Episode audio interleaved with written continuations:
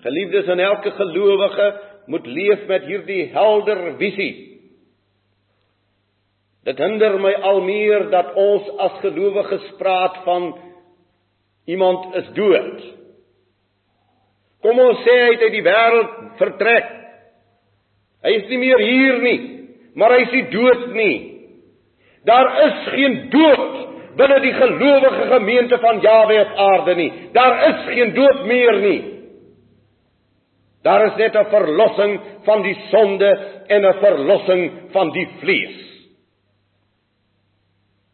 Dis die volle konsekwensie van die verlossing, geliefdes, wat Yeshua aan die vloekhout bewerk het, is die verlossing van hierdie sondige vlees waarin ek vir my bevind, maar daar is geen dood meer nie. Wanneer hy sy disippels oor hierdie aarde uitstuur, dan sê hy vir hulle aan my is gegee al die mag in die hemel en op die aarde. Gaan dan nie alle mag. Daar is geen mag daar is geen maghebber vanmôre op hierdie aarde wat vir jou en vir my uit sy magtige hand kan ruk nie.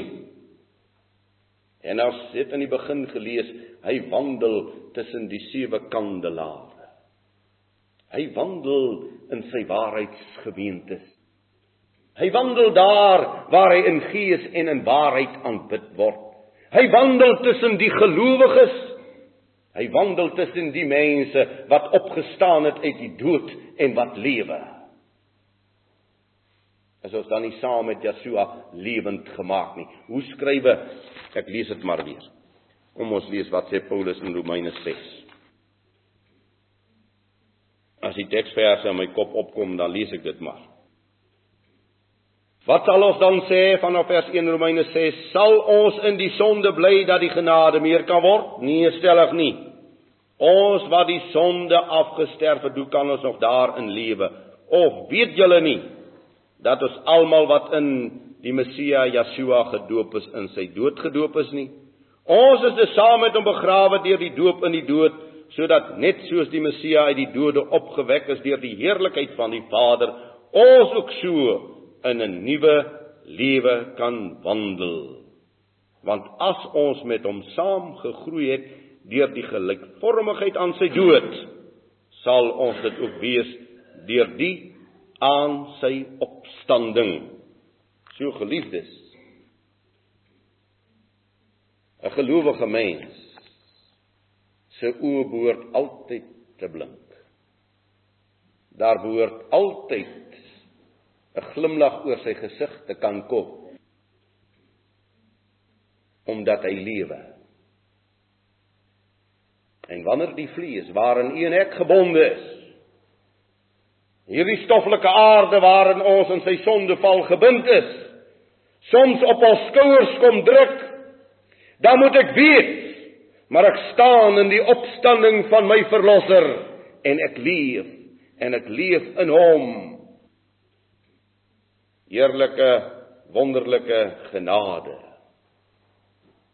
Hierdie vervolgde gemeente geliefdes is nie sonder die teenwoordigheid van Yeshua nie. Nee, hulle is juis in die teenwoordigheid van hulle koning.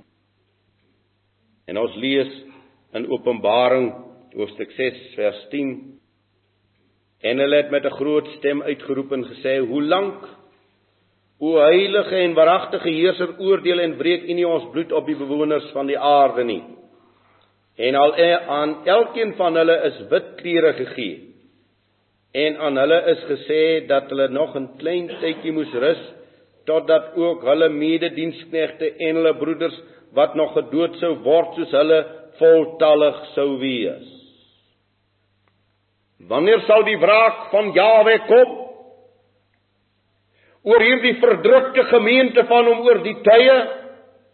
Hy sê wanneer die wat net soos julle gedood is, ook gedood klaar gedood is, dan sal ek wraak uitoefen. Daarom sê ek altyd as u en ek in waarheid wandel, dan moet ons verwag dat ons verdruk sal word. Paulus skryf in 2 Korinte hoofstuk 2 2 Korintiërs hoofstuk 2 vanaf vers 14.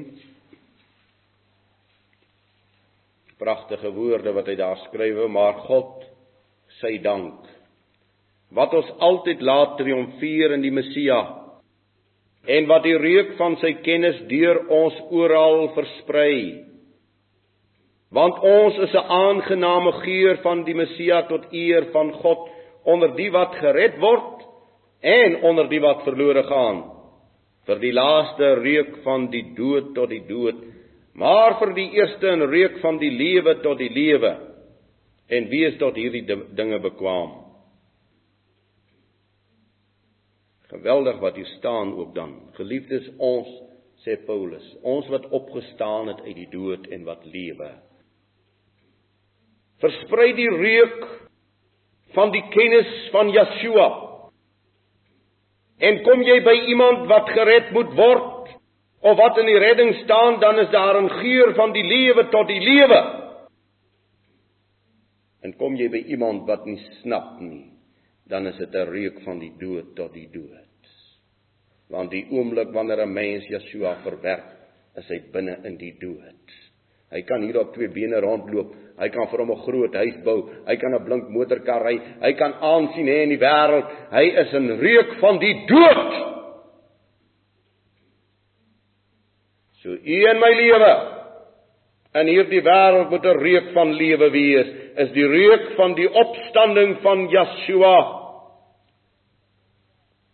en die wrede vervolging en u wat die geskiedenis vanmôre ken weet hoe verskriklik dit was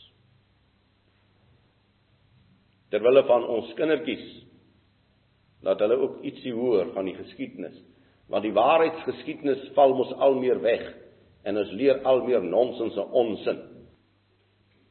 Die werklikhede word weggeneem en die vervalsings word na vore gebring in ons tyd. Nero die eerste vervolger van die gelowiges